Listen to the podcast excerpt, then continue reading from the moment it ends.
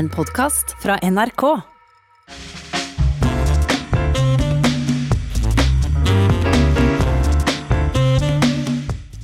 Og even, even, even, even, even, mens det kvisker i rødkongle snar. Even, even, even, even, even, og jeg plystrer ei tone til svar. Ja, ingen er vel i tvil om at eh, dette var Alf eh, Prøysen. Og det er rett og slett han vi skal snakke om, for det er snart tid for utdeling av den årlige Prøysenprisen. Og den 23. november er det 50 år siden han døde. Bare 56 år gammel. Arven etter han er et eget univers av viser med et like skarpt som varmt blikk for mennesket som faller utafor. Men det er også ei vær av boblende fantasi og fortellerglede i bøker og sanger som gleder stadig nye generasjoner av barn. Så velkommen, Ove Røsbakk. Tusen takk. Du er med oss for studio eh, på Lillehammer og er forfatteren bak den store Prøysen-biografien 'Prestvegen og sjustjerna', som kom i 1992. Og hva er det viktigste sporet du ser etter Alf Prøysen i dag? Eh, Det er vel at det her eh, Det inntrykket han gjorde på de generasjonene som hørte den på, på radioen, denne nærheten. Og så er det òg ting som har åpnet seg nå i senere studium av Prøysens eh, verk, at det er en stor sårbarhet der. Eh, Så han har en enorm spennvidde som dikter.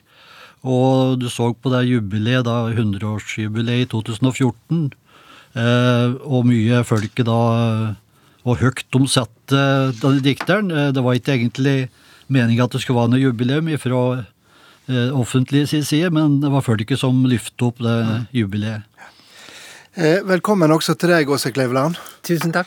Det tar jo nesten et helt program å presentere alt det du har vært med på, så i dag så nøyer jeg med- meg med å slå fast at du som ung visesanger samarbeider med Alf Prøysen. Og vi har jo sett av og til glimt fra TV-program på 60-tallet der han ikke bare behandler deg med respekt, men det er som han og du er på like fot.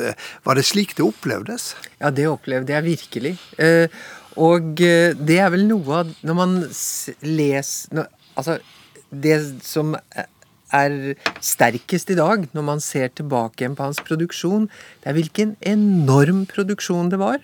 I løpet av egentlig ganske få år, kanskje 25 år eller noe sånt. Og, eh, og samtidig hvilken bredde, som du sier, som han hadde.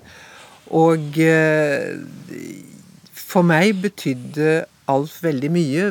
Indirekte fordi jeg hadde en far som var en veldig nær venn av Alf. Så du vokste opp med han? Så jeg vokste Ja, det gjorde jeg jo absolutt fra jeg var i hvert fall 11-12 år. Men også som alle andre norske barn. Fra vi flyttet til Norge på midten av 50-tallet, så, så var han der. Han var jo egentlig på 50- og 60-tallet i alle kanaler, selv om det ikke var så mange kanaler på den tiden. Så, så øh, det å få følge han videre var, har betydd utrolig mye. Han var den etablerte, han var den berømte, han var stjerna. Men, men det virka som han var veldig åpen for det som grodde rundt han i norsk eh, visekunst. Ja, han var åpen, og han betydde veldig mye for veldig mange. Men ikke ved å gå rundt og si hva folk burde gjøre. Men han hadde jo nettopp den åpenheten du snakker om, men også det at når han ville formidle noe, så gjorde han det, sånn som jeg oppfattet i hvert fall, mer oftere i form av et spørsmål enn i forhold til en påstand. Det vil si Kanskje tror du at du har prøvd på dette, kunne det kanskje være noen ting? Han, var jo, han begynte jo med revy. Han elsket jo revy og hadde jo egentlig drømt om å bli eh, revystjerne. Og eh, da jeg eh, ble invitert til å komme til Sverige og spille revy, så syntes han det var altså så fantastisk. Og da hadde han en del sånne råd. Hans, en av hans store stjerner var jo da Sara Leander. Hun som sang med en stemme som dette, ikke sant. Og, og da var han veldig sånn Når du skal til Sverige og gjøre revy nå, ville det ikke være en idé at du la ned stemmen litt? Eh, Det kunne jo vært en fordel.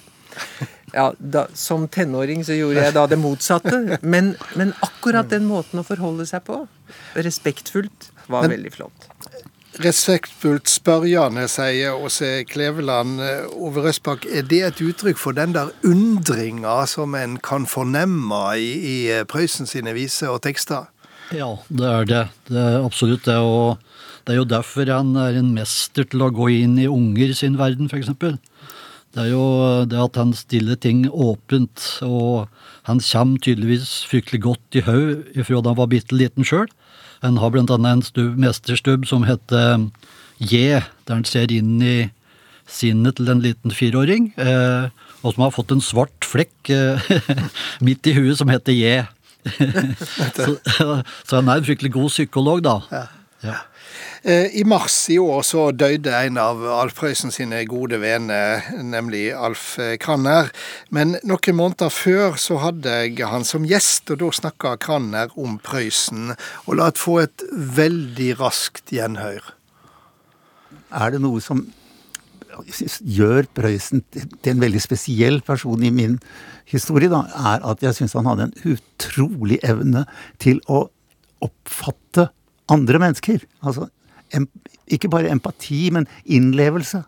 Han forsto så, allerede etter et par gangers samtale så sier han til meg Jeg tror jeg skal hjelpe deg med å bli kvitt noe av det du går og drar på. Uten at jeg hadde sagt et ord. Var det slik det var, Åse Kleveland?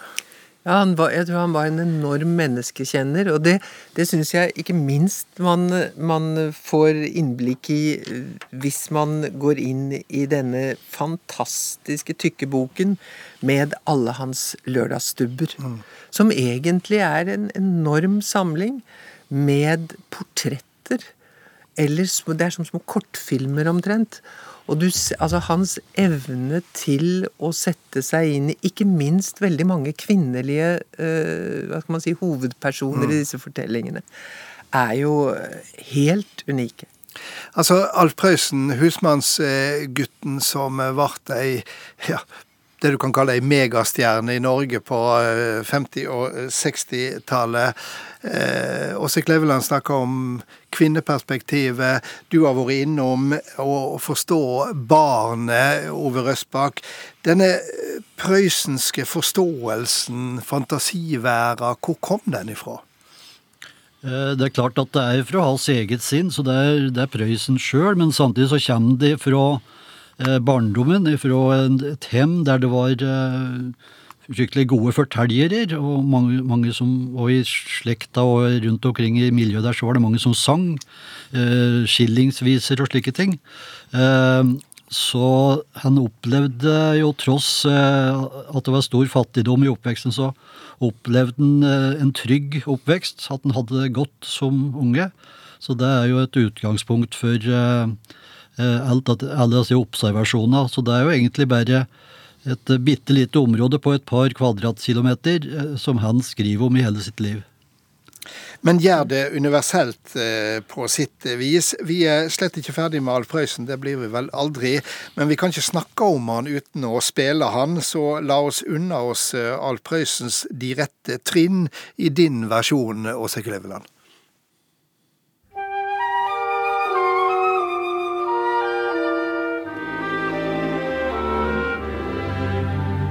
Er så vemodig mange viser om sorg og elsk og vår hjertesår.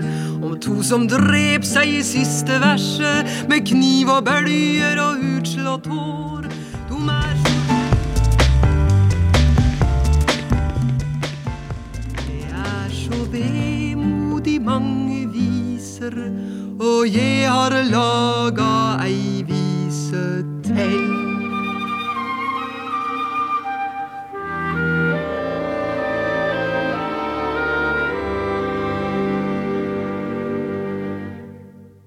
Ja, jeg har laga ei vise til. Eh, Åse Kleveland og Ove Røsbakk vi sitter fremdeles her og skal snakke om Alf eh, Prøysen. Og Åse Kleveland, du har jo svenske ana, og Alf Prøysen hadde vel også et blikk for nettopp den svenske visetradisjonen. Han arbeider ikke i et norsk vakuum. Nei, som Ove sa her i sted, ikke minst dette med skillingsvisene, som ofte kom fra Sverige, var veldig viktig. Og han var veldig glad i svensk som språk. Sånn at uh, han hadde jo også mange venner og beundrere blant svenske visesangere uh, og uh, svenske kulturpersonligheter. Og det er jo Altså, mange svensker vet jo ikke at Alf Prøysen er norsk. Fordi han var så populær. Han ble veldig ofte da sunget inn på svensk. Og eh, når det gjelder f.eks. Teskjekjerringa, som er eh, Altså, det går nesten ikke an å sammenligne med noe annet i popularitet i Sverige eh, med den. Så er jo det Det er den norske Prøysen Det er den svenske Prøysen. Hva, hva hus, husker du hva tissekjerringa heter på svensk? Teskjedgumman. Nettopp. Gumman som ble så liten som en teskje. Ja. Og det var jo Det var altså Astrid Lindgren. Han kom med den, sånn som jeg har forstått, til eh, NRK i første rekke, og, eller til et forlag her i Norge. De var syns dette ble litt for pussig Altså voldsomt. Så de sa nei. Og så med de eh, Så satt altså da Astrid Lindgren som konsulent på et forlag i Sverige og sørget for at den blir gitt ut. Og dermed så ble den også illustrert av Bjørn Berg, eh, som er den som har illustrert de aller fleste Astrid Lindgren-bøkene. Så han var i det beste selskap. Det beste selskapet, Ove Røsbakk, altså barnevisene, barnetimefortellinger, eh, teskjekjerringa. Det var jo ei tid med de helt store navnene innenfor eh, barnekulturen. Anne-Kat. Vestli, Torbjørn Egner, Åse Kleveland nevnte Astrid Lindgren på svensk eh, side. Det var litt av et beite. Ja, det var jo det. Slik, særskilt 50-tallet, og da radioen eh, var jo det eneste mediet da. Det var før TV-en kom i Norge, i alle fall. Så da satt jo alle benker rundt radioen, og Prøysen brukte dette her eh, fordi han var han hadde hørt på radio sjøl via et krystallapparat. Han var liten gutt, så han visste hva slags magi det lå i radioen. Så da brukte han dette her eh, det der eh, magien, da, så sa han 'legg handa di på radioen'. Eh, og, og de ser det at eh, far hans, far hans, som da hadde hatt litt problemer med da sønnen sin eh, da han var liten, for han lurte på hva det skulle bli av Han kan ikke sele på en hest engang, sa han. Men så slo de gjennom da med husmannspolka og lar seg på hammer med slakt og slik, og da satt far hans og klappet radioen, og så sa han at eh, du, du Alf, du Alf, noe så godt har jeg aldri hørt. Altså, Prøysen er jo hedmarsk, og han er jo vår. Og det høres nesten litt rart ut om å snakke om den internasjonale Prøysen, men barnebøkene er vel oversatt til ei rekke språk, langt mer enn eh, svensk, eh, Ove Røsbakk. Hun er kjent verden over. Ja, det, det er helt klart at eh, det var Ulf Peder Olrog som eh, lyfte Den svenske visedikteren og, og komponisten. Ja, og, og leder i SR, kulturseksjonen i svensk radio. Han hadde jo et nært samarbeid med Prøysen helt tidlig på 50-tallet. Og det var Astrid Lindgren som oppdaga eh, Alf Prøysens eh, teskjekjerringa, og hun sa at eh, For da på det tidspunktet så satt Prøysen og, og gjendikte mye for å, bare for å få til smør på brødskiva, og da sa Lindgren at det var jo eh, for gærent at en så eh, stor begavelse skulle sitte og oversette. Denne mannen må dikte, sa. han. eh, og eh, da gikk Peder Olrog etter hvert inn for å få dette her eh, til engelsk, og fikk en Penguin-oversettelse. Den kjente serien Penguin, faktisk. Eh, og da åpnet det til et stort internasjonalt marked. Så det er helt klart at uten Ulf Peder Olrog så hadde ikke Alf Prøysen eh, vært internasjonalt kjent. Han hadde heller ikke gredd seg de siste ti årene han levde, for uten det svenske markedet så hadde ikke han gredd seg økonomisk. Og så er det vel få figurer det er lettere å kjenne seg igjen i enn et, som et lite barn, eller akkurat ei tesekjerring som ikke rekker opp til noe som helst. Ja visst. Ja. Nei, men det var det det handlet om, og han var jo veldig eh, opptatt Altså, det, det, all den innlevelsen han hadde i barnet, det klarte han også å formidle i eh, denne sammenhengen her. Men man skal ikke glemme at f.eks. Tango for to var jo en kjempehit i Tyskland. Den var altså veldig populær i mange land, og den var jo da på Radio Lux, som eh, vi i denne generasjonen hørte veldig mye på på 50- og 60-tallet. Der var den største ære man omtrent kunne få, det var at da de som satt og kjørte platene, knuste platene, for de var så kjempelei av å sitte og spille samme uke ut og uke inn fordi den lå på topp ti. Men det skjedde da også med Tango for to i den engelske versjonen. Et, et, et, et kanskje brått skifte fra tango for to på Radio Luxembourg til, til et sårere kapittel i, i Prøysens historie. Eh, For 16 år siden, Ove Røsbakk, så skrev du en kronikk om eh, at Alf Prøysen også var tiltrukket av menn. Mange visste det, men ingen hadde snakka høyt om det før, og det ble et rabalder av ei anna vær. Ole Paus kaller det rent og skjær skandalemakeri, mens eh, Erik Bye mente dette var grisete og svertete Alf Prøysens minne. Han trodde ikke noe på det, ikke før Kim Friele fortalte om sin kontakt med Al Prøysen, der han hadde betrodd seg til henne. Hvorfor mente du dette var så viktig for bildet vårt av Al Prøysen? Jeg hadde hatt mange samtaler med kilder, og jeg hadde etter hvert dannet meg et klart inntrykk at dette var en viktig del av Prøysens liv, ikke minst gjennom, gjennom samtaler med Alf Kranner, som kjente godt til denne sida, og mente at at det her hadde vøvet seg inn i en liv og verk, eh, på grunn av at da Prøysen levde, så var jo det straffbart, bare til og med å vise følelser eh, mellom menn, kan du si. Eh, En kunne jo bli slinnet på åpen gate, en miste mulighet til, til leiligheter osv. Eh, hvis en viste dette her. eh, Og eh, da mente jeg at eh, ved sida av den sosiale undertrykkinga som eh, Prøysen hadde vokst opp med, så var det en eh, psykisk undertrykking han hadde opplevd hele sitt liv. Han hadde viktig side ved seg som han ikke kunne vise fram eh, offentlig. Og ifølge den samtalen med Fride, da, så, så var det etter hvert et stort behov for han å vise denne sida, vise sin kjærlighet til menn. Eh, og han hadde òg sagt, ifølge Friele, at han ville gå, eh, hadde lyst til å gå fremst i kampen for de eh, homoseksuelles rettigheter.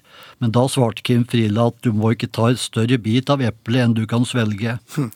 Høyre, dette heime i det offentlige bildet av Alf Prøysen og Sig Kleveland? I dag er jo dette en Noe som jeg tror veldig få ler på øyelokket av. Så det det skulle ikke forundre meg og, altså det, det, jo, det er jo oppsiktsvekkende hvor fort man har eh, nå hva si, eh, normalisert eh, homoseksualiteten i et samfunn hvor den var så utsatt. Og jeg tror jo at dette med at også Alf kom frem i denne sammenhengen, har bidratt til akkurat det. Og hvis han, som det blir sagt her, at dette var noe han ønsket selv, så syns jeg at det helt åpenbart var en riktig ting å gjøre. Det er som nevnt 50 år siden Al Prøysen gikk bort. Hva vil stå igjen etter han om nye 50 år? eh? Jeg tror at det er barnevisen eh, som eh, kommer til å stå der, de beste barnevisen. Og disse her lørdagsdubba, de beste av dem. Eh, det, tror jeg kommer til å stå igjen ganske mye, for en må tenke på at om 50 år så er nok de fleste eh, norske dialekter eh, nærmest utradert, til fordel for en slik der eh, engelsk-norsk som vi nå driver og smugler oss, smugler oss inn i. Og da vil det være som en delt del av den gamle kulturarven, og jeg tror faktisk ikke at, eh, at tida har gått ifra Prøysens beste ting. Og så eh, ser vi jo at det kommer stadig nye versjoner eh, med nye artister. Det er en vital visearv etter Alf Prøysen og Åse Kleveland. Ja, i høyeste grad. Og det, det er jo noen ting med at vi har også, og kommende generasjoner har jo en slags forpliktelse til å holde dette levende. Og når man ser Jeg synger en del Prøysen når jeg er ute nå, og også da med ny, ny musikk og sånn til. Og når du ser Det treffer jo folk like sterkt nå som de gjorde tidligere. Så det er bare spørsmål om å holde det levende. Holde det levende, og så eh, får vi jo da ta kanskje et eksempel på akkurat eh, dette. Tusen takk for at dere to var med oss og snakka om Alf Prøysen Åse Kleveland her i Studio 62, Ove Røsbakk på Lillehammer. Og her kommer Steinrøysa ned i bakken med 'Dance with the Strangers'.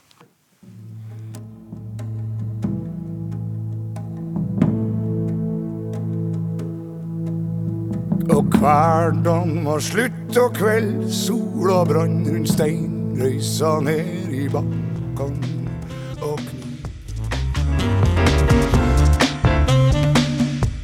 Og så runder jeg av med min faste kommentar. Her er denne vekas Stang inn, stang ut. Mange i min generasjon har tatt demokratiet som styreform for gitt. Vi har sett eh, Sovjetimperiets eh, sammenbrudd og lytta til den amerikanske statsviteren Francis Fukuyamas kjente ord om at dette var historiens slutt. Nå kunne det bare gå én vei framover. Mot mer demokrati og globalt gjennomslag for de liberale verdiene. Slik har det ikke gått. Snarere ser vi rundt oss hvor skjørt det liberale demokratiet er. Vi ser land der rettstryggleik og mindretallsretter er på tilbakegang, og blir truga. Ikke av autoritære regime og ettpartistater, men av demokratisk valgte regjeringer som bruker og misbruker flertallsmakta si til å omforme samfunnet i udemokratisk lei, eller til illiberale demokrati, som en av disse Ungarns statsminister sjøl kaller det. Det har vært alvorlig ettertanke, dette. For vi eh, kjenner at skremmende døme fra europeisk historie. Men det kommer likevel overraskende på oss at dette er et skakende fenomen i den demokratiske familien av stater vi i dag holder oss med. Og nett nå ser vi at i verdens viktigste demokrati blir et av de avgjørende teikna på ei slik styreform utfordra. For et fredelig maktskifte etter et ryddig valg er det sikreste tegn på et sunt demokrati. Det er jo sjølve lakmustesten. Taperen, om aldri så misnøyd og styringskåt, skal gi fra seg makta erkjenner nederlaget og sørge for at institusjonene gjør jobben sin. Nå ser vi en demonstrasjon av det motsatte. En president med sterke skuldinger om svindel og juks, uten å komme med noe bevis på dette. Et parti der sju av ti velgere ikke tror vareresultatet var rettvist, og en språkbruk som effektivt undergrev tilliten til at folket i valg har sagt sitt. Vi kan sjølsagt se på dette som politisk underholdning av et slag ingen av oss har sett tidligere. Vi kan også betrakte det i visse om at de demokratiske institusjonene til sist vil sørge for demokratisk normalitet. Men vi kan også følge det som skjer med en uro over hvor raskt et ryddig demokrati er blitt omdannet til en form for demokratisk kaos og flere enn oss gjør nok klokt i å sjå hvor skjørt sjøl det sterkeste demokrati kan vise seg å være. For i ei slik erkjenning ligger også kimen og viljen til å forsvare demokratiet som system. Det er det jo svært mange gode grunner til, der alternativer til demokratiet som styreform er den beste av dem. God helg.